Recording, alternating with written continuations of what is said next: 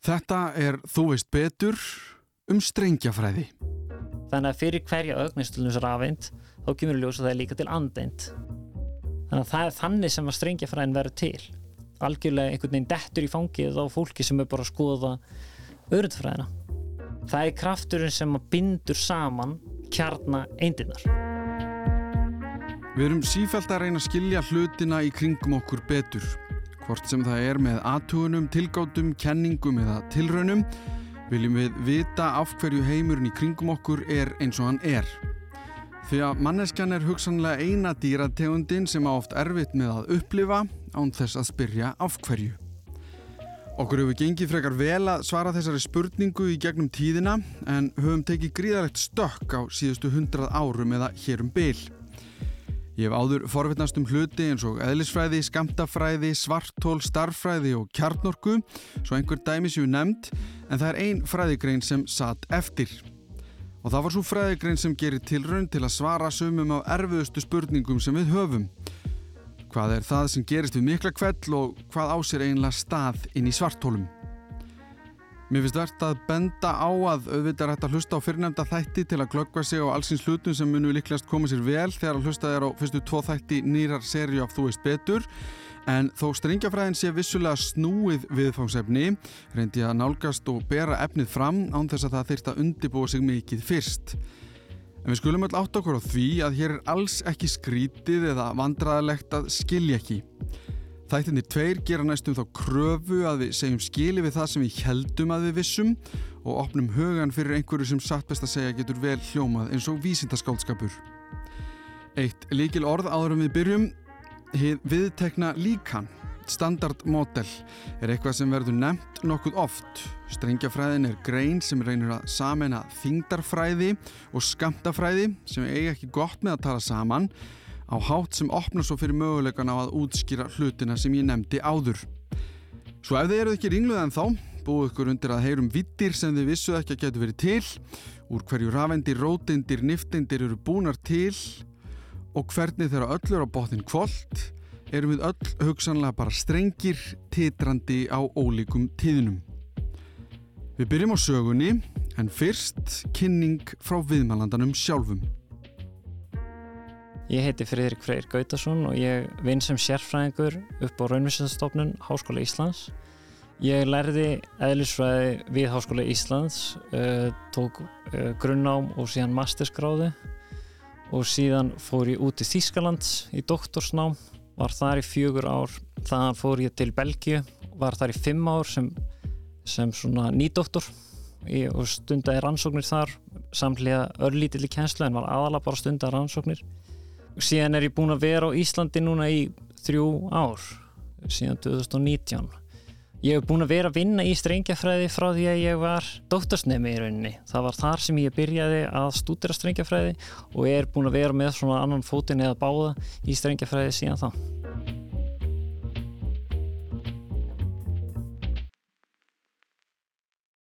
Sko strengjafræðin verður eiginlega fyrst til um 1970 og eitthvað og kemur rauninni upp úr öryndafræðinni. Og eiginlega sko dettur strengjafræðið í fangið á fólki. Það er rauninni ekki þannig að fólk sest niður með einhver vandamál og byrja að reyna að finna upp strengjafræðina það er þannig að þarna í kringum 1960, 1970, 1950 þá voru eðlisfræðingar að búa til stærri og stærri agnarhraðala til þess að stunda öryndafræðina í þaula. Mm.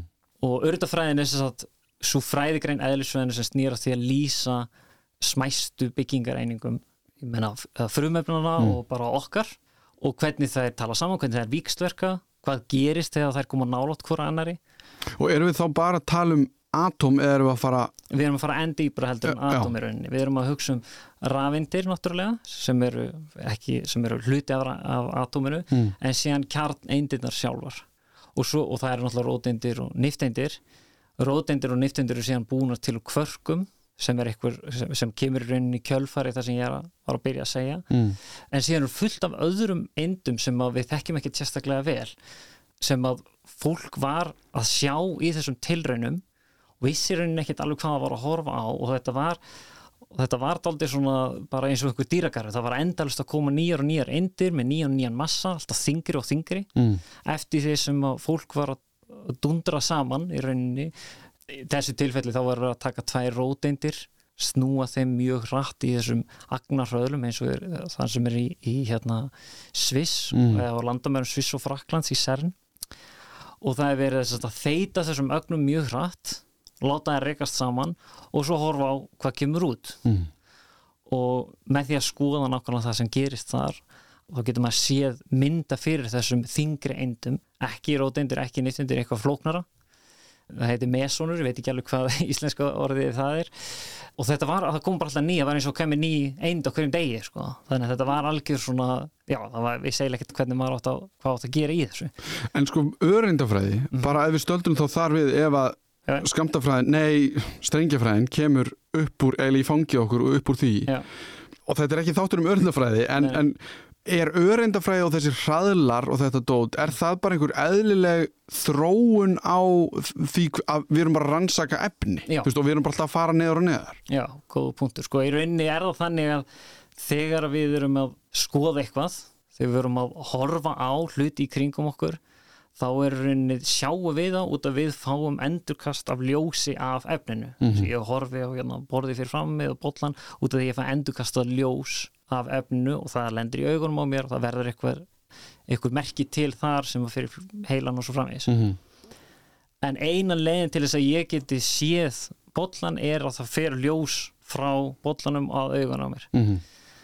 þegar við ætlum að reyna að skoða alltaf dýbra og dýbra, reyna að sjá atómin þá þurfum við að nota bylgjulengdaljós sem er alltaf smærri og smærri því að bara upplausnin hún er ekki meiri ef þú ert með of stóra bylgjulengt, sínlegt ljós með einhverja bylgjulengt kringum 600-700 nanometra og ef hluturinn sem við viljum skoða er minni en það þá bara reynlega virkar sínlegt ljós ekki til þess að skoða þannig að við þurfum að fara á smærri og smærri bylgjulengt það þýðir meiri og meiri orka og einhverjum tímapunkti verður ljósið sjálft ekki hendugt okay? þannig að þá er, ef þú vilt skoða virkilega inn í til dæmis, ekki bara inn í kjarna heldur inn í róteind sem að er rauninni það sem að hefur verið að gera þegar verið að negla saman tveimur róteindum Mm. Að þá er besta hugmyndin sem við he- hefum núna er bara að taka tvær róteindir og skjóta þeim nógu fast hvora aðra. Uh, það gerist heilmikið þar í einhverju kási sem að myndast þarna akkurat þegar áreiksturinn verður. En síðan eru rosalega stórar mæligræður sem eru settar í kringum svona áreikstur og sem reyna að greina öll merkin sem koma þarna frá. Ástæðan fyrir að við erum að þessu er til þess að skilja hvað er að gerast inn í rótindri Við erum að reyna að skilja þá sko ef við förum bara í þess að sögu þú veist, við erum alltaf að reyna að skilja þá bara meira og meira hvernig heimurinn í kringum okkur er uppbyggður, af hverju hann er eins og hann er. Já, nákvæmlega, nákvæmlega. Það sem við vitum núna er að við erum með fjóra krafta í rauninni og svo erum við með efni og efnið er búið til eins og ég sagði á hann kvörkum og það er rafindir og það er aðrar svo kallar lefteindir eða leptónur og það er, það er svona efnið og síðan eru kraftarnir og þeir vikslörka og þú veist efnið vikslörka einhvern veginn um kraftana og, og fram og tilbaka. En þessi mynd sem við höfum nokkuð góða núna og margir þekkja þessi svona mynd af öðrutafræðinni, þetta er hér svo kallar viðtekna líkan eða standardmódelið mm. sem er vel þekkt. Uh, hérna, hún kom hægt og rólega í ljós. Þetta var svona þessi sviðsmynd eða þessi svona mynd af þessu hún var til í já, þetta í kringum 8. áratugin Mm já, jafnvel fyrr, 7. áratugin þe- og það eftir þess að, þessi stóru hraðalar voru alltaf uppgöta nýjar og nýjar reyndir Er einhverja svona, sko, af því að nú ætla ég að vitna í skamtafræðina og hérna nefna Sötinger og Mhm. Heisenberg og Bohr og, og, og þessa gæja Já. sem eru svona smá rockstjörnu skamtafræðinar algjörlega. þeir eru þarna eins og undan að uppgöta sitt svið eða bara búa til skamtafræðina eða hvernig sem við viljum orða og Einstein er náttúrulega ennþá fyrr. Mhm. sko eigum við sambærilegt fólk innan strengjafræðinar svona einhverjar hetjur eða er þetta bara einhvern veginn, einhvern veginn verður þetta til? Að þessir karakterar voru Já, svo já. það fór svo mikið fyrir þeim sko. Já, kannski, kannski ef ég fer aðeins svona, fer gegnum söguna frá þessum, Mm. nei, þannig að kringum 1920, 30, eitthvað svo leiðis og þangað til að öryndafræðin var svona og, og standardmódeli var að koma í ljós og strengjafræðin kemur svona daldið upp úr því að þá er rauninni það sem gerist er að skamtafræðin hún virkar rosalega vel til þess að lýsa brautum rafinda í kringum kjarnan. Mm. hún lýs orku ástundunum og við komumst á því að rafindin hún getur ekki, að hún getur ekki að það er ekki hvaða orku ástund til fyrir rafindina, hún hefur bara ákveðin orku ástand og, og það sjáum við í tilrunum Sagt, ef við lýsum ljósi í gegnum gas af ákveðinu, ákveðinu tegund, ákveðinu frumöfni mm. þá sjáum við að gasið gleipir ákveðinar línur, ákveðin lit á ljósinu og það sjáum við og það er út af því að það er bara til rafind sem að getur gleift það ljós mm. í þessu frumöfni ef við erum með annað frumöfni þá eru línar öðruvísi sem við sjáum mm. þetta er slitrósgreining allavega þetta er, er skamtafræðin en hún var ekki alveg fullkomin og þeir vissu það alveg á þessum tíma því að hún var ekki samræmanlega við takmörkuð afstæðiskenningunni okay? og takmörkuð afstæðiskenningin var þekkt á þessu tíma. Mm -hmm og takmarka afstæðskenningin þó ég viti Já. að við erum sem búin að fara í hana í þessum þætti bara til þess að skerpa á hvað hún er á móti henni almennu afstæðskenningu eða þannig hver er aftur, hvað er aftur sem kemur fram í henni? Takmarka afstæðskenningin segir bara að það er ekkert sem ferðast hraðar en ljós. Já, okay. Og allir sjá sama ljósa mm -hmm. sama á hvaða reyfingu þú ert eða þannig þannig að þú, þú sért með vasaljós og ég leip á móti þér þá, og ég myndi einhvern veginn á að mæla hraðan á ljósinu sem mm -hmm. kom úr þínu vasaljósi þótt að ég sé að hlaupa mútið þá ég sé ég samt sama ljós og, þú sérð mm -hmm. og þetta hefur alls konar afleðingar í för með sér og ein afleðingin er þessi jafna eða saman sem MC í öðru mm -hmm. svo jafna er reyndar aðeins flóknari hún, er, hún, hún, hún gildur fyrir hluti sem eru ekki á hreyfingu uh, jafn er, er eitthvað eins og E í öðru saman sem M í fjörða nei, M í öðru sé í fjörða og Já. svo pluss hraðin og þetta er svona annars þess formúla fyrir orkunni Já. og það er ástæði fyrir því að ég er að segja þetta okay. því að þessi jafna hún skiptir miklu máli þegar maður ætlar að reyna að blanda saman skamtafræðinni og takmörka afstæðiskenningunni maður þarf að geta fundið hvernig orka eininga, þess að hvernig svona orka agna mm -hmm. er sett fram í síkildri affræði þá er orkan bara samlagning af hreyfiorku og stöðorku mm -hmm. en í takmörku aðstæðiskenningunni þá er þessi annarstegs formúla fyrir orku okay? þannig að þú, þú þarf að leysa það mm. okay? og þegar maður leysir svona annarstegs formúla þá fær maður alltaf kvadratrót og það eru tvær lausnir, mm. pluss eða mínus -hmm. pluss mínus kvadratrótin einhverju og það var sem sagt Dirac sem að fyrst setti fram jöfnu Mm. sem var svona skamtafræðileg útgáfa af þessari jöfnu sem er svona hliðstæði við srötingurjöfnun í, skamtafræðinni og, og hann, hann var mjög annað með þess að jöfn og allt er góð með það nema það komi ljós mjög stuttu eftir að hann sett hann fram að það voru, það voru þessar tvær lausnir þarna mm. og það eru runni tvær jöfnur sem það þarf að leysa og fyrst var bara reynda svona íta því til liðar og við glemum því bara en það komi ljós að það var ekki hægt að, ekki hægt að eignora heina lausnina, það verður alltaf að hafa þessar báðar lausnir mm -hmm. og afleggingin er því er, Báðar lausnir við þessari orku jöfnu sem að leiða síðan af sér þessar, þessar hérna Hvernig getur verið með tvær lausnir við sömu jöfnunni? Eh, Jafnan sem ég er að tala um Já. er E í öðru Já. sami sem hérna, M í öðru C í fjörða mm. Og síðan pluss skriðþungin mm -hmm.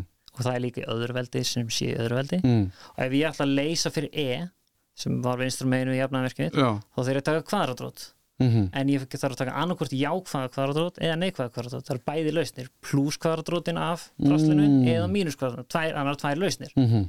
í, í síkildri affræði þá, þá er það ekkit vandamál, mm. bara hendur mínuslausni -hmm. en í skamtafræði þá er þér einhvern veginn ekki leift að henda mínuslausnin, þú verður að hafa hana með og það svarar til andeinda okay? Mhm. þannig að fyrir hverja ögnistlunus rafeind þá kemur ljós að það líka til andeind mhm. jáeindin og endeindir hafa nákvæmlega sömu eiginleika og eindirnar, sama massa, sama spuna og sama aðra eiginleika nema þeir hafa andstæða rafleðslu ok, og þetta var, þetta var takmarka afstæðiskenningin síðan viltu fara að spyrja, ok, hvað gerist ef ég er með rafendir og ég ætla að láta þær vikslverka einhvern veginn við ljós og það er, það er náttúrulega gerist, við vitum það alveg mm -hmm. skamtafræðin, þessi klassíska sem á bór og allir þeir voru að pæla í, hún náttúrulega virka fínt fyrir fyrir það, en ef þú vilt, að skoða rafvindur á mikill reyfingu og fara í gegnum eitthvað, eitthvað háorku ljóskeisla sem er að skoppa á rafvindum okkur svo leiðis, mm.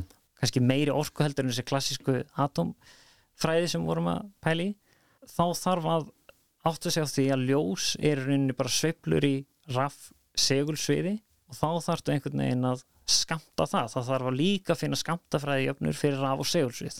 Og upp úr því kemur skamta sviðsfræði sem er í rauninni bara flóknari útgáfa af skamtafræði okay. það er bara næsta level við skamta en hún er sem sagt samræmanuleg við takmörku afstæðiskenninguna mm og þarna er fyrst komið svona alvöru framework til þess að hæla í hérna hröðum árustrum eins og í gangi í þessum agnarhröðlum -hmm. Og hvað virkir er að gerast inn í kjarnanum og svo leiðis hvað gerist fyrir, þegar að verða geislavirkir hrörnun og kjörnum og þannig. Og fyrir, það þarf í rauninni skamta sviðsfræði til þess að lýsa því öllu. Og öðrinda hérna, uh, þetta viðtekna líkan eða standardmótilið það er ein gerð af skamta sviðsfræði líkani. Mhm. skamtarsviðsfræðin er svona frameworkið, það er svona starffræðin, það eru ákveðnar reglur um hvernig maður á að gera hlutina en síðan þarfstu eitthvað mótel sem segir ok, hvaða agnir er ég með, hvaða örindir er ég með, hvaða massa hafa er, hvaða leðslu, hvaða kraft er ég með hvernig virka kraftarnir nákvæmlega hver tala við hvaða kraft og svo framvegis Mhm. það er mótelið, það er þannig að standardmótelið er við- viðtekna líkanið Mm.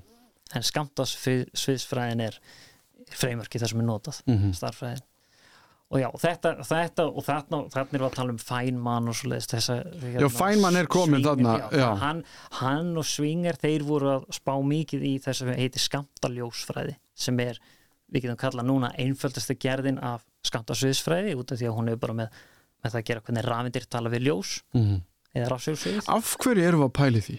Að ég fór bara að velta því fyrir mér Já, að því að við, ef við reynum að einfalla þetta, sem er náttúrulega ekki sérstaklega auðvelt, að þetta er frekar flókin fræði, en við erum að reyna að skilja hvernig heimurinn okkar virkar, hvernig atómin eru gerð og hvað síðan eru byggingar efni atómana. Mhm. Þannig erum við alltaf að fara að smerra og smerra og smerra Mhm. og þú tala um rafindir mhm, og það eru í kringum hjarnan. Já. Er það ekki? Jú, jú. Þú mátt segja nei. jú, þær það eru í kringum hjarnan. En við getum líka haft rafindir sem eru ekki kringum kjarn Já, þú bara tekið þær út Já, til þess að gera hvað við þær sem við viljum. segjum til þess að ég vilja skoða kjarnan mjög eða þeir eru kringum hérna kjarnan já þeir eru í atominu en ég Mm. get tekið þær burtu og segjum ég vilja skoða kjarnan mjög vel Mm. þá kannski reyni ég að negla rafindinu mjög fast á kjarnan Mm og skoða hvað gerist Og við erum bara að að alltaf, við erum alltaf að skoða bara hvað gerist. já, Er það ekki? þú veist, af því þú nefndi Feynman og hins.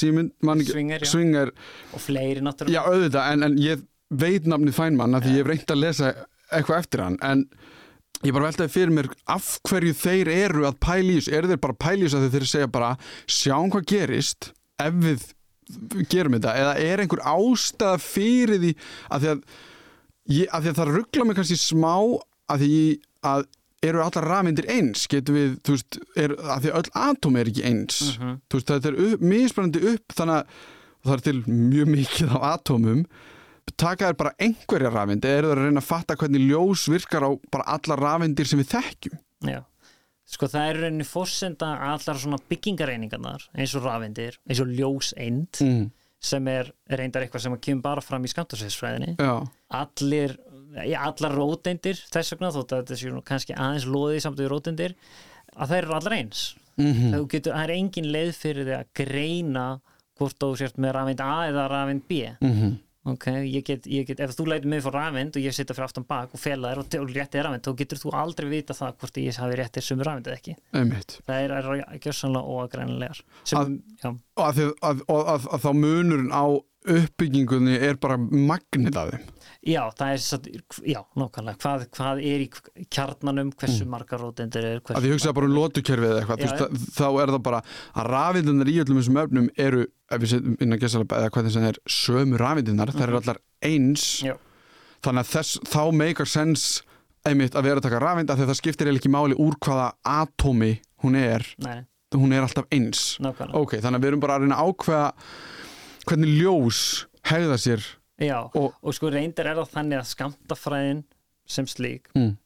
hún lýsir ansi vel hvað er að gerast í kringum uh, þú veist, hvernig rafmyndir hægða sér í kringum kjarnan, Mm en samt ekki alveg nákvæmlega, þú veist, og ef þú ferð og mælir hlutina mjög vel eigileika atomuna mjög vel nákvæmlega hvað, hver er bylgjulengdin og ljósinu sem kemur frá örfiðu atomið, þú getur örfað atomið Mm. og svo býður og, og það rörnar í sitt grunn ástand, þá kemur ykkur ljósbylgja frá þú skoðar ljósið, hver er liturinn á ljósinu og svo framvegis ef þú skoðar alltaf þessu hluti mjög nákvæmlega með fínustu græðin sem til eru að þá finnur þú kannski að skamtafræðin eins og hérna, þarna í kringum 1920-1930 þeir allir saman að hún virkar ekki alveg um 100% Mhm. það er einhver smá villur okay? og þá kemur hérna Dirac með sína Dirac í öfnu og hann kemur einhverja leiðréttingar Mhm. okay? út af því að, út af því að það, það kemur rauninni takmarka afstæðiskenningin sem er svona leiðrétting á síkild alfræðinni Mm.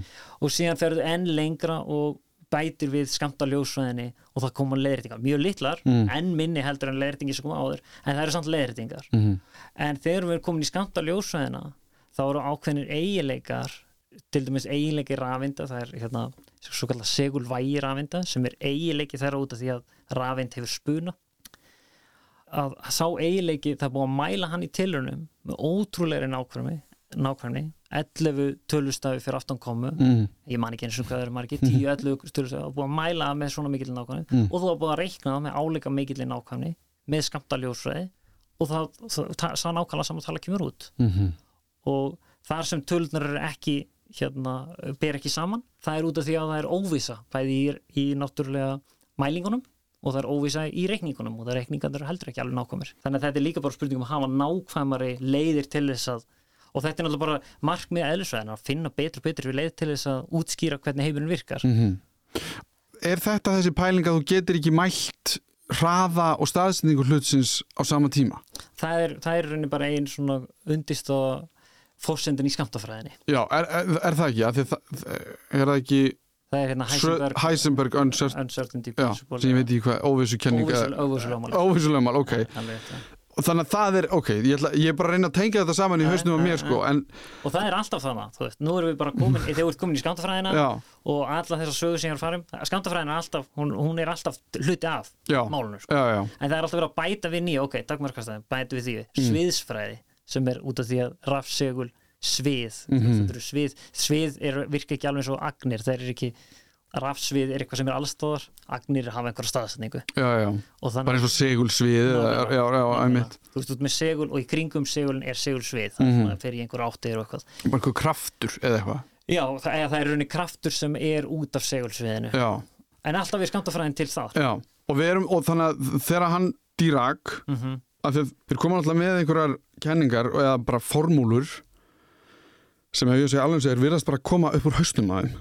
Já, í einhverjum göngutúrum eða eitthvað, eða, þú veist, þetta er svona maður veit náttúrulega ekki alveg hvernig en, en þetta er mjög gáfað fólk sem virðist vera að hugsa upp einhverja svona hluti Nei. og reiknaðu auðvitað út og þetta er kannski ekkert eitthvað bara einhver ljósapæri fyrir ofan hausinn sko. Nei, nei. Það er einhver vinnan á bakvið en, en þeir búa til náttúrulega formúlur eða reiknis hvað sé að kenningar eða hve- hvernig sem þú orðar það já, já, utanum einhver, þeir eru alltaf að útskýra einhver hluti já.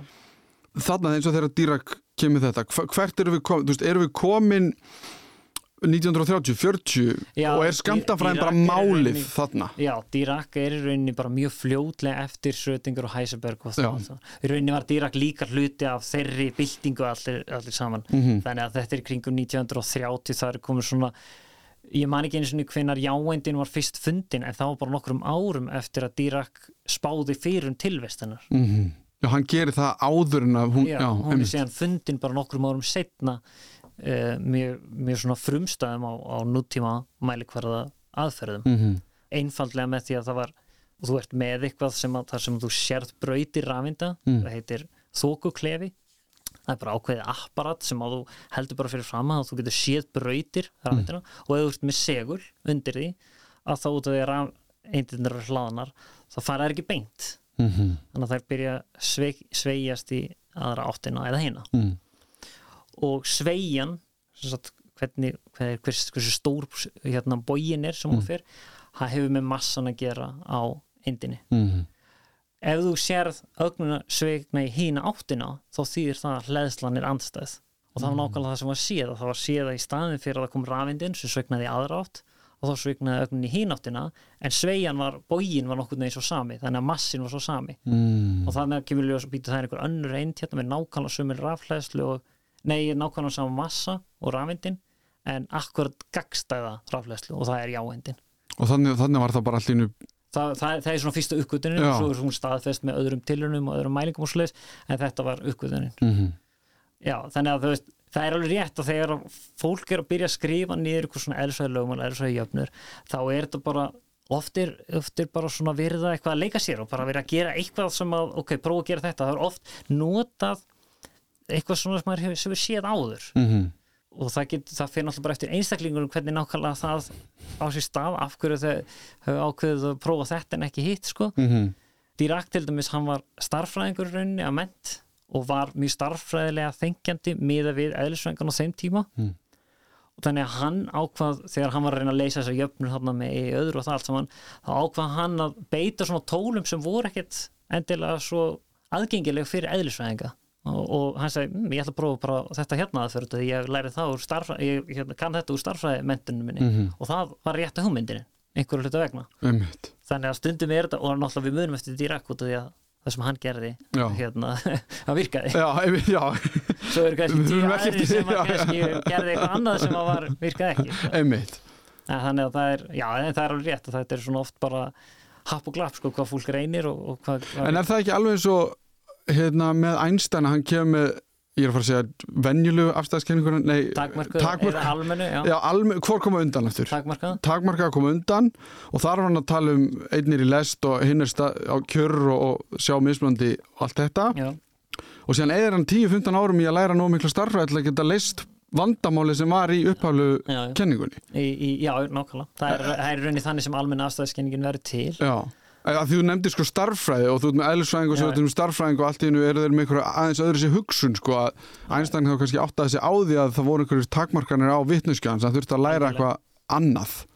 og það er alls ekki bara hann því að það var líka í kringum sagt, Heisenberg hann var líka að nota svona ákveðna tegunda starffræði þegar Mhm. hann var að byrja með sin, sitt mótel fyrir skamtafræði það er nefnilega, sko, skamtafræðin þróaðist svona samhlýða á nokkrum stöðum Mm -hmm. Og mismunandi starffræði var notað á mismunandi stöðum. Og svo einhver, einhverjum tímapunkti þá kom Páli held ég og svona sanna að þetta er alltaf, þetta er alltaf sama. Ég, hérna, ég get sínt að ef ég gerir þetta og þetta þá er, þá er það það sem Heisenberg gerir og ef ég gerir þetta og þetta þá er það sem Schrödinger gerir. Þetta er allt sama dræmið. Einmitt. en þeir voru að nota allt, allt öðru starffræði Og voru ekkert sérstaklega sáttir við einhvern annan. nei, þau bara hérna uh, nei, það var, það var hópur Bohr sem var Bohr og Heisenberg og Born og fleiri og svo voru svona kallar eins og Schrödinger og, og aðri mann ekki alveg hverju voru með. Og þeir voru bara að þetta er, þetta er ljót starffræði sem þetta nota og ítskiljanlega og eitthvað mm og hérna, þess vegna áttu frekar að nota mína aðferð. Og þá sagði, þá sagði þeir, þeir hinnir hérna, neða, þetta er þín aðferð og þetta var bara svona eitthvað sko. Já, svo kemur í ljósa, þetta er alltaf sama sko, það skiptir í rauninni eitthvað máli, þetta er bara, bara tungumálið. Það er mismöndi leiði á sömu já, já. algjörlega. en það er alveg rétt að starffræðin hún, hún hérna að, það, að sérstaklega á þessum árum þá kemur í ljósa að eðlisfræðingandi þurfa meira og meira í starffræði til þess að skilja eðlisfræðin í kringu sig ef þeir vilja fara lengra Mhm. í eðlisfræðinni þá þurfa þeir að vera betri í starffræði Mhm. Það verðist vera þetta allir gegnum Svona gangandi. gegnumgangandi. Og þetta er eitthvað sem fær mann sko, hann tók þetta oft fyrir í sínum fyrirlesturum byrja á fyrirlesturum og útskýra þegar hann var að kenna reyna Mhm. byrjaði fyrst að kannski fyrirlesturinn í einhverju námskeið og, og segja að það er ekki mér að kenna að, að þau þurfa að nota starffræðir Já, en það er bara þannig, hún virkar og við verðum bara sætt okkur. En sko, ef ef, ef, ef við förum þá aðeins áfram sko, að það eru er næstu í 30-40 ár hana, frá að þessum stað sem við erum þá til 70 eða, Já, eða svona. já, nákvæmlega það, það sem er í gangi er bara þegar að skamta ljósæðin er komin almennilega á stað ég ætti kannski að segja það að eitt sem gerist í við skamta sviðsfræðina sem er daldið sérstakt er að alltaf þegar var verið að reikna á þessu tíma og ennþá í dag með skamta sviðsfræðina og það er skamta ljósfræðin er að þá uh, fær maður alltaf daldið mikið maður fær uh, ofta svörur um óendalegt það fær Mhm. út einna móti nulli í Einmitt. reikningunum Já. og það kemur kannski einhver staðar í miðjum reikningi okay? og svo áttaði fólk sig á hvernig maður ætti að reyna að gleyma þessu ekki, ekki, hugsa, ekki horfa þangað í smá stund en ég held áfram með reikningunum mína svo endan kemur svarið sem er kannski líkur á því að þessar tvær agnir reykist svona saman og farið þangað þá er það ekki óvandalegt en annað einhver á milli þar kom eitthvað óvandalegt út. Mhm. og þetta var fæn mann alveg uh, sérfræðingur í að, að díla við. Hann, kunni, hann vissi nákvæmlega hvernig hann átt að færa í gegnum þetta. Eitt af þeir sem hann reyndi að gera á þessum tíma var að hann reyndi að í stæðin fyrir að taka skamta ljósfræði þá fór hann að hugsa um skamta þingdarfræði Mhm. og gera svipaða reikninga reikna, ok, ef ég tek tvær þingdareindir sem eru þá myndi vera svona einstöku eindirnar í þingdaraflinu og ef ég reyna Byttu, byttu, byttu. Ég mun þurfa að gera þetta nokkur sinnum kannski við því alltaf að þú segir einstöku eindirnar í þingdaraflinu Já, ég, það er ekki, góð, það er ekki vel kannski líst hjá mér nákvæmlega. Nei, ég hugsaði bara sko að því að þingdarafl er það ekki kraftur eins og segul svið Jú, það er, það er nákvæmlega. Já, og í, í, í rafsegulfræðinni þar eru við með ljós, ljósbylgjur. Mm okay, það eru bara sveiplur í rafsegulsviðinu. -hmm. þegar við förum í skamt, í skamtafræðina þá verður ljós þessar svona undistöðu einingar í reikningunum, það er ljós eindirnar ok. Það er það sem við köllum það er eitt skamtur af orku af, sagt, í ljóseind. Það er or, orkan í ljós er skamtuð mm Mhm. -hmm. í skamtafræði og það er það sem við köllum ljóseind. Ok, okay. það bara, það er nákvæmlega sama er í gangi þegar maður ætlar að reyna að gera það saman við þingdaraflið, þannig Mm. að það þarf að hugsa um einn orku skamt af uh, já, eina þingdareind Já, gravitón á, á ennsku þannig að það er einhver ein, eða þú veist, það er eitthvað Já, það er svona, fyrir eftir hvernig þú spyrir það, það er annarkvort þá er það tól sem maður notar í reikningum. Mm út af því að það er ákveðin reikna aðferð sem er notað og þá búta maður hlutana niður og, það, og þá koma þessar eindir út eins og þingdarengdinu ljóseind. Og, og þá er þetta ekki alveg svona uh, þá er skorinn ekki alveg kannski raunveruleikin sko, heldur bara svona reiknitól. Mm en svo eru aðrir að segja, jú, en þetta er nú eiginlega alveg rétt að hugsa um þetta sem, að hugsa um raunveruleikan sem þannig. -hmm. en þetta er svona, það er ekki alveg þetta er ekki alveg hérna, Þi, Þið hafið ekki alltaf verið sammála eins og við tölum um Schrödinger og Heisenberg og þetta, Nákvæmlega. En, en afsaki, það var að komið allavega með, með þingdareindina já, sem sagt þegar að Feynman reyndi að reikna svona eins og hann var að gera með hérna, ljósið mm. og gera fyrir þingdaraflið það skiptir ekki nákvæmlega máli hvað hann var að reikna Mm. að þá fær hann þetta óendalega hérna út sem ég var að tala um Mm. Nema í þessu tilfelli þegar hann var með þingdaraflið þá getur hann aldrei að losa sig við alltaf lokasværi, það er alltaf líka óendalegt í lokasværinu Mm. og hann næri aldrei að losa sig við það. All trikkin sem maður notaði áður þau gengu ekki. Mm og þetta á endanum þá verður þetta bara svona, við, við skiljum nokkuð vel af hverju þetta gerist. Mm. og það er bara þannig að þingdafræðin hún virkar ekkert sérstaklega vel sem skamtakenning og en hérna En hann vissi það kannski ekki þá Nei, það var ekki alveg skilið á þessum tímapunkti svo endanum þá skilur fólk þetta núna hérna mjög vel af hverju þetta gerist en Feynman var bara ok, þetta var bara svona þetta var bara, já, bara leika mér skilur Já. því að hver þarf, hver þarf að pæla í því hvernig skamtafræðin og þingdarafli tala saman, hverjum er ekki sama mm. -hmm. við, þingdarafli lýsir því hvernig plánutur hreyfast í kringum sóluna, ekki, ekki hvernig litlar agnir eru að rekst okkur aðra sko. það er ekkert með þetta að gera þingdarafli er svo veikt, Já Sagði hann sagði hann Þá að endanum þá náttúrulega viljum við skilja þetta Já, já. endanum þá viljum við, þá skiljum við örundafræðina það vel að hún kannski byrjar að vera dálítið svona leðilega eða þannig og við viljum skilja þingdarafli betur eða hvernig sem hún vil líta á það Mhm. Það skiptir ekki alveg allir máli en allavega eftir Feynman og, og all, alltaf þetta í ska- samtidig skamta ljósvæðina þá þróast örundafræðin mjög rætt Mhm. bæði á tilraun í, í, á, tilraunasviðinu og líka kennilega, bara fræðilega Mhm. starffræðin og, svo, og þannig. Og það koma þessi módel fyrir veika kjarnakraftin og svo koma módel fyrir sterka kjarnakraftin. Nema það að sterki kjar, kjarnakrafturinn hann vafðist rosalega lengi fyrir fólki. Og hann er? Það er krafturinn sem bindur saman kjarna eindirnar mm Kjarn, í Já, við erum að tala um við erum að tala um með atóm, eitthvað ég meina játnatóm eða eitthvað, margar róteindir hérna saman á Mm. mjög litlu svæði. Róteindir eru jákvætlaðanar það eru allar jákvætlaðanar svo líka, eru líka nifteindir náttúrulega. En þannig að það er ættu að íta hvor annari frá. Nákvæmlega, kjarn, af hverju, er- af hverju fara þeir ekki í sundur, af hverju Mm. eru það að hanga það saman? Það er eitthvað kraftur sem heldur öllu saman og það er sterki kjarnakrafturinn. Mm og það var ekkert alveg vitað hvernig þessi kraftur virkaði og þess vegna var endalust verið að skjóta rafindum eða rótindum saman til þess að reyna að átta sig á hvernig þetta virkaði mm. inni, af hverju helst þetta drast saman -hmm. og það sem kemur í ljós það kom alltaf nýjar og nýjar ragnir og þetta verður bara hausverkur fyrir fólk Mhm. kom alltaf fleiri og fleiri þingri, ekki eins og, eitthvað eins og rótind kemur einhver ögn, ögn sem er svona aldrei svipuð rótind nema þingri mm. og, svo og svo svipuð hún og nema þingri og þessir eindir um óstöðar þær myndast í árekstrum svo hrörnaður um leið. Þannig að eina sem hún sér er svona þegar þú skoða gögnin sem hún fær út úr þessum ég er ekki tilhörn elsangar, ég get ekki líst nákvæmlega hvernig þú gera það.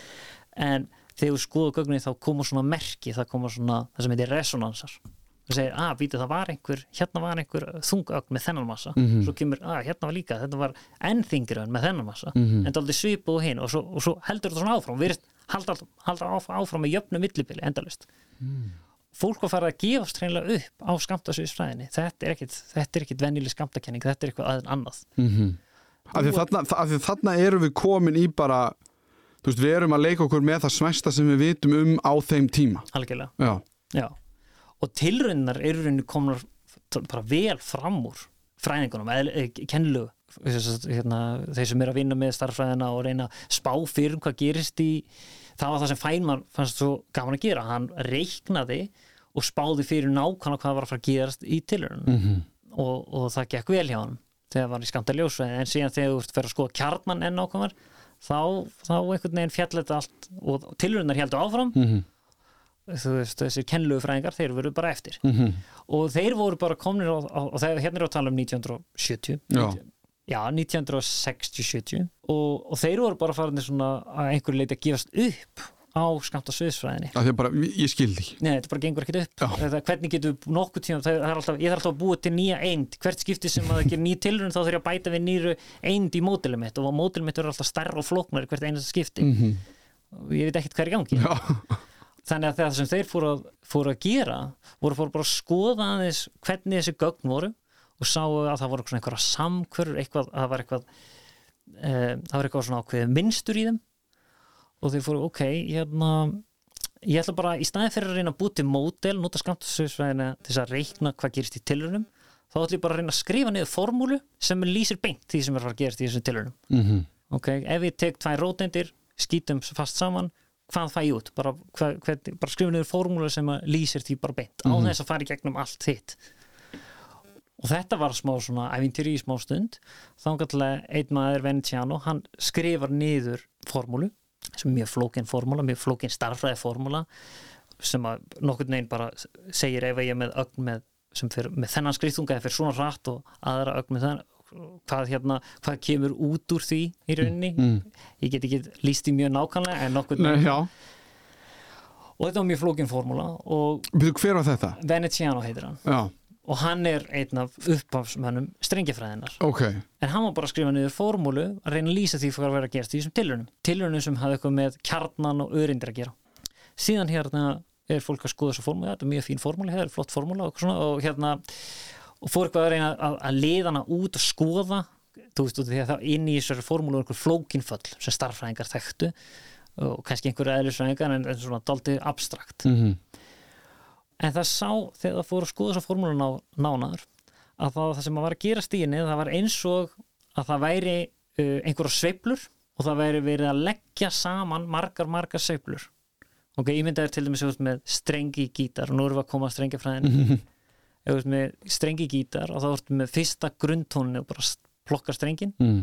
og síðan er fyrsti yfirtótt það er þegar þú heldur puttanum laust í miðjunni og plokkar strengin þá fer sveiflan og það er svona verður nútpunktur í miðjunni og strengurinn sveiflast í kringum það Mm svo er annar yfirtótt þegar þú setur færi puttan og gerir þriðjung og, hérna, og svo hæri og hæri yfirtónar Mm. og það einhvern veginn var í þessari formúlu eins og það væri verið að leggja saman einhverjum svona sveiflur Mm. og fólk bara aukvitaði þetta bara, það var í rauninni ekkert engin útskýring á þessu af hverju þetta væri í þessari formúlu frá Venetiano en síðan komst, kom í ljós að þessi hugmynd, bara, bara þetta var nótis að einhverju sagðu og ég er nú ekki alveg vissin hverjir voru fyrstir þar fór að segja ok, það er, það er kannski verið að ekki að skamta hérna öreindir heldur er verið að hugsa um einhver annað fyrirbæri og þá komu strenginir inn. Mm og þá fór fólk bara sko hvernig myndi þá skamta strengjafræði virka.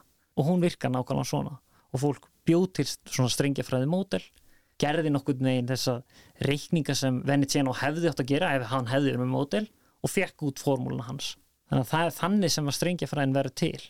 Algjörlega einhvern veginn dettur í fangið á fólki sem er bara að skoða öryttfræðina í rauninni þá var þetta bara eitthvað sem gerðist mjög tímabundið þarna hvenær sem þessi formúla var skrifið niður sem ég man ekki alveg nákvæmlega. Mm. en síðan stuttu eftir eða í kringum sama tíma held ég að þá fer fólk að skilja að það er í rauninni til bara hefðbundin skamt af sviðsfræði sem er lýsir sterka kjartakraftinu þannig að þetta æfintýri með strengin sveiflutnur og allt það það var í rauninni óþarfi. Það þurfti ekkert að fara í þetta þetta var bara eitthvað svona smá, já ok, sniðut og síðan fór bara, kom gamla góða skamtasviðisfræðin aftur og, og það, það er, heitir hérna Quantum Chromodynamics sem lýsir sterka kjarnakraftunum eða skamta litfræði. Mm. og, og það verður síðan sitt eigið rannsókn og svið náttúrulega. Já, en það voru einhverju sem á skoðu þessa strengifræðins betur já, einmitt. Já, ok, þannig að þú veist, í raun verður strengjafræðin bara til óvart af því að við erum meira átt okkur á sterka kjarnakraftunum já, en síðan fáum við bara svarið við honum mm eða við því af hverju hann er eins og hann er. Já. og þá erum við bara já ok, þá getum við bara, ok, pælum ekkert meiri í við þurfum ekkert að strengja fræði að halda. Nákvæmlega, það væri rauninni bara þannig. Nema það að það er einhverju svona heyrðu, þetta er bara alltaf sniðugt skilur Mm. ég ætla nú bara aðeins að skoða þetta betur. Þannig að þá kannski ágætt að útskýra nákvæmlega hvað er verið að tala um þegar við erum að tala um strengifræði mhm, því að í, í, í þessari skamtasviðsfræði þá eru svona helstu eindirnar sem að eða helstu svona fyrirbærin sem við notum það er þessar eindir eins og Mm. ljóseindir og rafindir og svo leiðis og þetta eru punktlaga agnir þannig allavega eru þær í starffræðin hjá okkur og þannig hugsa við um það skamtafræðin segir okkur að þær get ekki haft bara eina staðsetningu, þær eru alltaf svona daldið fuzzy skiluru mhm, en í reikningum okkar þá er þetta punktlaga agnir samt sem áður. Mhm. þráttur við vitum ekki nákvæmlega hvar það séu. Nákvæmlega. Já, en það sem strengjafræðin þá er þessu bara öllu snúð og kvolf það er við erum ekki lengur með punktlagar agnir heldur við erum við með einvíð fyrirbæri, það er að segja litlan streng og það verður undistöðu svona fundamental fyrirbærið í kenningunni þannig í staðin fyrir að með punktagnir þá erum við bara með hennan streng en það er, það er mjög erfitt að útskýra af hverju þetta var á, á, hvernig þetta, eins og ég segi, það, það er rauninni sagan sem útskýra af hverju fólki dætt í hug að gera þetta mhm, En það sem, að, það sem ástæðan fyrir við höldum áfram að skoða og rannsaka strengjafræði er rauninni það sem kemur síðan, er hvað fólk átta sig á hvað í rauninni þessi kenning hefur í för með sér. Í fyrsta legi átta sig á því að strengjafræði hún er mjög svona fast skorðuð kenning. Hún er til dæmis engin parametir í strengjafræði. Í öllum þessum uh, skanta sviðsfræði módelum eins og standardmódelinu þá er fullt af parametrum. Það er massin á þessari ögn, massin á þessari ögn, rafleysla og rafeind fullt af parametrum. þegar þú sér parametrar er þetta að tala um einhver fasti Já, ég er að tala um einhverja tölur já, sem, Sem bara eru svona. Já, sem það þarf að mæla. já, Það er ekki þannig í strengjafræði. Það er í rauninni engin parametr í strengjafræði. Ástæðan fyrir því er bara út af að skamta fræðin, takmarka afstæðiskenninga, allir sér, allt þetta sem að við þekkjum áður, Mm. blanda saman við hugmyndir um, streng, um strengin, að það einhvern veginn leiðir er ekkert að skrifa niður niður um parametra. Ef þú reynir að gera það, að þá bara fyrir kenningin algjörlega á, á kvolf og allt fyrir bara til fjandans mhm, þú, þú, veist, hún, hún verður ósamkvæm sjálfum sér það er mjög ofta sem gerist í eðlisfræði og reynir að skrifa niður einhverja kenningu að þá getur þú kannski reikna saman hlutin á tvo mismunandi vegu og fengið mismunandi svör. Mhm. Svoleiðis kenningar eru náttúrulega bara bull og maður veist, hættir pæli í þeim. Að það standast ekki. Það er bara standast ekki. Svona, maður þarf ekki eins og að gera henni tilrönd þær eru bara, Mhm. þær virki ekki eins og bara fræðilega. Og eina leiðin til að láta strengjafræðina virka var einmitt þetta, það er engin parametr annað sem að var að, að hún verist bara virka í mjög mörgum tímarúmsvítum það er að segja ok, here we go. Þetta er ekki sko í venjulegum eðlisfræði. Mhm. þá erum við með þrjár vítir okay, í okkar, í kringum okkur og sjáum við þrjár vítir. Það bara þr þrývít, já, já, upp, niður, til, fram og tilbaka til og frá, já, þetta sko. það eru þrjára vítir, svo erum við tíman sem að Einstein sagði, nú, þetta er nú bara hluti af rúminu sko, eða Mm. þannig, tímarúmið það er eitt, eitt fyrirbæri, þannig að við erum með fjórar tímarúmsvítir. Mhm. í strengjafræði þá gengur það ekki upp. Við, við af hverju ekki? það er aftur, það er af því að þú getur ekki haft einn parametr Nei, já, hluta til er á það en það er líka bara út af því að hún verður ekki samkvæm sjálfur sér nema og þú ert í tíu vítum. Alltaf tíu vítum, eða? Tíu vítum en þú getur verið í færri en tíu vítum. Þú getur allavega ekki verið fleiri mhm, en hún er auðveldast að skilja og auðveldast að meðhendla í tíu vítum. Það er síðan leið til að fara úr tíu vítum niður mm, en, en þú getur aldrei fengið ja, ok, ég ætti kannski að umorða það þannig því að það er rauninni 11 Já. ok, nú skiljum við að það sé 11 10 mjög nálægt 11 þannig að það er svona við Nei. námyndum já, en, en þú getur aldrei farið upp fyrir 11 til dæmis. Mm. meðan allar aðrar elsvæðkenningar það skiptir einhver máli, menn að vítin er bara eitthvað sem setur inn, sko. Mhm, bara eitthvað tala sem setur inn í reikningarni viltu verið í þremu vítum, viltu verið í fimm vítum eða hundra vítum, er en sko sko, býttu nú við. Af því að þú nefndir, sko, þessar vítir, ég meina þrývít, ef við tölum bara um það sem þú nefndir Mhm. hérna, sem ég man ekki svona hvað er akkur núna, bara uh, fram og tilbaka og upp og niður Já, og eitthvað. já. við þekkjum það. Við vitum það. Við vitum það. Þetta er svo leys, já, já. En sko það sem ég skil ekki er hvernig getur þú reiknað vitt sem þú þekkir ekki? Já, sko, það, hvernig getur þú bætt við vittum hverjar er þessar vittir þegar maður byrjar á skoðastrengjafræði mm. þá er engin munur á þessum aukavítum, þessum sex auka Mm. með við þessar þrjár eða þrj, fjórar, eða til tíma með Mhm. sem við þekkjum. Það eru nákvæmlega eins. Ef að við yrkilega myndum bara taka kenninguna eins og hún er einföldust þá myndum við segja að það eru nýju stórar vítir og, og einn tímavít. Maður getur ekki stjórnaði, það er bara þannig starffræðin bara- kemur bara þannig út. já, já, Ef að þú reynir að hafa vítirnar færri í stuttumáli þá gengur það eiginlega ekki upp. mm Ef, ef þú ætlar að gera það, það er mjög flókið að reyna að koma þið þannig -hmm. en, en hérna, það er rauninni ekki alveg vita nákvæmlega hvernig hún gera það en ég get, ég get svo sem útskýrta aðeins en, kannski áður en ég fyrir þangað þá get ég þá er kannski betra að útskýra sem er aðal svona ástæðan fyrir því að við höldum áfram að skoða strengjafræðina þrátt fyrir þetta Mm. og það er augljóslega sjáum við ekki nýju vítir í kringum okkur, þetta er bara þrjár þegar að við erum hormónastreng þessi strengur hann getur sveiflast til og við náttúrulega sjáum ekki strengin og, það, og hugsunin er þar er að hann er svo pínu pínu lítill Mhm. að við myndum, bara, við myndum ekki geta greint á milli þess að vera með streng og vera bara með aðra öðreind eins og rafind Mhm. en nema ef við gætum súma bara nú mjög inn þá kannski myndum við sjá að þetta væri strengur en með nútíma tilrunum þá sjá, myndum við ekki, ekki séð það En erum við að ákveða út frá þessari kenningu að þetta sé strengur? Erum við bara að segja Já. þetta er ekki punktur, þetta er strengur? Já. Og við erum bara að segja, við erum bara, við erum bara að ákveða það. Já, það er bara, við erum bara að skipta í rauninni allir kenningunum sem var fyrir, allir mm. kenningunum sem var fyrir, út fyrir strengjafræði, því að þe- þetta tvent talar ekki saman. Nei, og við ákveðum að þetta sé strengur bara af því bara. Við erum bara að hugsa hvað ef þetta er strengur? Já, þetta er bara, þetta er bara kenning, Mm þetta er bara starffræði módel rauninni, alveg eins og skamtasvísfræði líka starffræði módel sem á að reyna að lýsa veruleikunum í kringum okkur. -hmm. Þetta er bara önnur tilraun til þess. Mm -hmm. Nefna það að þessi tilraun, hún byggir rosalega mikið á eðlisfræðinu sem við þekkjum út af því að skamtafræðin er nát, það, þetta er skamtafræðilegt módel Mhm. þannig að þetta notar alla skamtafræðina sem við þekkjum það er líka uh, lítur lögmálum takmörku afstæðskenninguna til dæmis þannig að allt svoleiðis sem við þekkjum kemur inn svona ákveðin lögmál úr, úr eðlisveinu kemur inn nema það bara þetta er ekki öryndafræði eins og standardmódelið er Já, af því að, það heg, að við ákveðum þetta hegða sér ekki eins. Já, en aftur á móti þá er það þannig að strengjafræðin ef að þú horfir strengur sjálfur og horfir á hann úr dálítið fjarlægð, það er lítið út nákvæmlega eins og öðrendir. Þannig í einhverju svona markildi, eins og við kallaðum í starffræðinu Mm. Frá einhverjum sjónarhorni séð, þá er það alveg eins og öðrendafræði, en bara við getum kafa dýpra. Af því að, já, einmitt. Okay, þannig að það er, það er svona já, það, þú veist, við ættum að fá öðrundafræðinurinn út en til þess alltaf þegar maður er að finna dýpir kenningar, kenningar sem að þú veist, eðlisvæði kenningar sem að eiga að gera allt sem þeir gerðu áður Mm. ok, og þegar við vitum að eðlisvæðin sem við höfum áður virkaði þú veist, gamla góða klassíski Newton til þess að lýsa plántunum virkaði vel Mm. Einstein þurfti að skipta Newton út hann bara breytti algjörlega hvernig Newton hugsaði um þingdaraflið Mm hann bara skipti því algjörlega út kom með sína kenningu, almenna aðstæðiskenninguna sem segir, það er engin kraftur hérna á milli, það er sveia í tímarúminu, Mm -hmm. Keilukólun á laginu. nákvæmlega, nákvæmlega.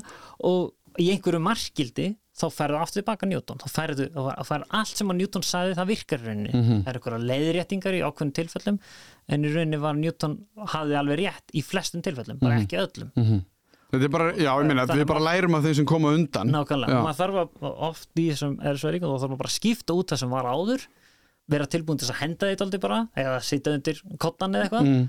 geima það og koma með eitthvað nýja hugmynd. En vera þó vissum að þú ferir ekki sko, algjörlega skjön við það sem kom áður. Af því að það er raun búið að sanna Já, það er búið að sína fram og fullt á þú hlutum í tilraunum. Já, ég er að segja, þú veist, eins og Newton, hann sannar eitthvað ákveðinu hluti. Já, að þá þyrfti, að, ég meina, ef Einstein kemur eftir þá þyrfti hann annarkvort að afsanna þá já, já, eða bara segja, ok, það eru ákveðinu hlutir sem að eru ekki sannaðir með þessari kenningu sem ég ætla að betrum bæta. nákvæmlega þú veist, Newton til dæmis hann syndi ekki frá ljós svignar í kringum þungar hluti það mm -hmm. er hérna að sveigir segja. Newton gæti ekki synd frá þetta út af því að ljós uh, hann, hann hérna ljó, þeir skildi ekki ljós á þessum tíma eins og, Mhm. eins og Einstein skildi það Einstein maður, já, já, nákvæmlega. Fílíku ná ekki og síðan kemur Einstein og segja jú, ljós, alveg eins og bara allt annað hérna finnur fyrir þingdraflinu og þess vegna sveigir það þegar það fer nálátt einhverju þungur hlutu eins og sólinni eða svartólum eða hvað það er. Mm -hmm. þetta var eitthvað sem Einstein kom með Newton var ekki með en allt annað sem Newton sagði um hvernig hérna plánar fari kringu sóluna það er nokkur neginn eins Mhm. hjá Einstein það eru örlítið leiðréttingar en þær fær líka rétt átt Mhm. þær, þær ber, leiðréttingar sem Einstein komir ber saman við tilunir en far ekki, þú veist, í alls, alls Einmitt. ok, þannig að strengjafræðina einhver leiti er, er hérna smá, í smá vesinni þarna út af að tímarúmsvítinnar eru strax bandvillisar Já, einmitt en hérna, en samt sem áður við, við hérna, kannski höfum ekki alveg svo miklar ágjör Höfum það til hliðar, setja þetta til hliðar. því að það eru aðrir hlutir sem þú færð ef þú leifið er þetta. Og það er rauninni það að þessa, þessi sveiplur í strengnum að það er frá, örunda, frá sjónarhörundi örundafræðingsins þá eru hver sveiplu háttur mannst gítastrengurinn Mm. sveiflun með yfir tónum og svo leiðis það er þingri strengur. Strengur hann hefur einhverja orku sem hefur með það að gera hversu rættan sveiflast. Mm. Og orkan er bara massi samkvæmt Einstein. Þannig að meiri meiri sveifla því þingri og þingri öreind. Mm nákvæmlega eins og það sem ég var að lýsa fyrir tilhörun alltaf þingri og þingri öreind. Mhm. var, það var nákvæmlega þetta sem að Venciano var að reyna að fá þingri og þingri öreind. Já, einmitt. En léttasta strengur sem sveiflar hvað minnst léttasta, hún er, ak- það er akkurat massalög strengur og það þegar maður fyrir að skoða það nákvæmlega þá hefur svo öreind hún hefur alla eiginleika þingdareindarinnar okay? Þannig að strengja fræðin sem kemur upp úr öreindafræðinni kemur með sjálfum sér með þingdafræðina svona skamta þingdafræði, út af þetta er skamtafræði kenning mm þá kemur hann einhver eind. Haga sér alveg eins og þingdar eindin ætti að gera ef við gætum skamta þingdafræðina en núna ertu með einhverju kenning sem virkar. Hún er ekki, hún er ekki, er ekki einhver óendalegt sem kemur út, það er ekki ósangan sjálfur sér. Og hún getur líst þingdafræðinni á skamtafræðilegan hátt -hmm. og það er eitthvað sem engin önnur svona hefðbundin sköndun og þingdaraflunni hefur getað gert eðlisvæðingar var reynd, alveg síðan Feynman var að reyna þetta að finna skamtafræðilega lýsingu á þingdaraflunu sem er eitthvað sem við vitum að á að vera til staðar mm. við erum með skamtafræði og við erum með þingdarafli og einhvern veginn það eru svo tveir hlutir að tala saman Mhm. En það hefur aldrei gengið upp. Það har alltaf verið þetta ódalega sem að hérna kemur alltaf aftur og aftur í bakið á okkur. Mhm. nefn að þegar kemur að strengjafræðinni að þá, þá loksins gengur þetta upp. En þetta, þetta tók það að við gjörsanlega skiptum um sjónarhort við skiptum út þessar öðrunda hugsun fyrir, fyrir Strengi. strengja. hugsun Já. og, og þetta er stóra ástæðan fyrir því að eðlisæðingar voru svona spenntir fyrir strengjafræðinni. Held áfram að skoða hana löngu eftir að hún hætti að vera kandidat fyrir sterkakjarnakraftin Jæja, hvernig líður okkur núna? Við höfum farið yfir söguna, ferlið sem er nátengt þróun skamtafræðinar og endum hér fyrir þáttinn þar sem strengjafræðin hefur allt í einu náða samin að þingdakraftin og skamtafræðina. Eitthvað sem hafi verið reynt en aldrei náðust. Því alltaf var svarið óendanlegt, sem hefur það gengur ekki. Strengjafræðin byrjar sem tilraun til að skýra sterka kjarnakraftin, eitthvað sem er partur af hennu viðtekna líkanni, en nýtist svo í að útskýra eitthvað allt annað sem verðist oft vera tilfellið með vísindin. Upprunalega hugmyndin sprettur út frá einhverju en endar svo sem svar á öðrum stað.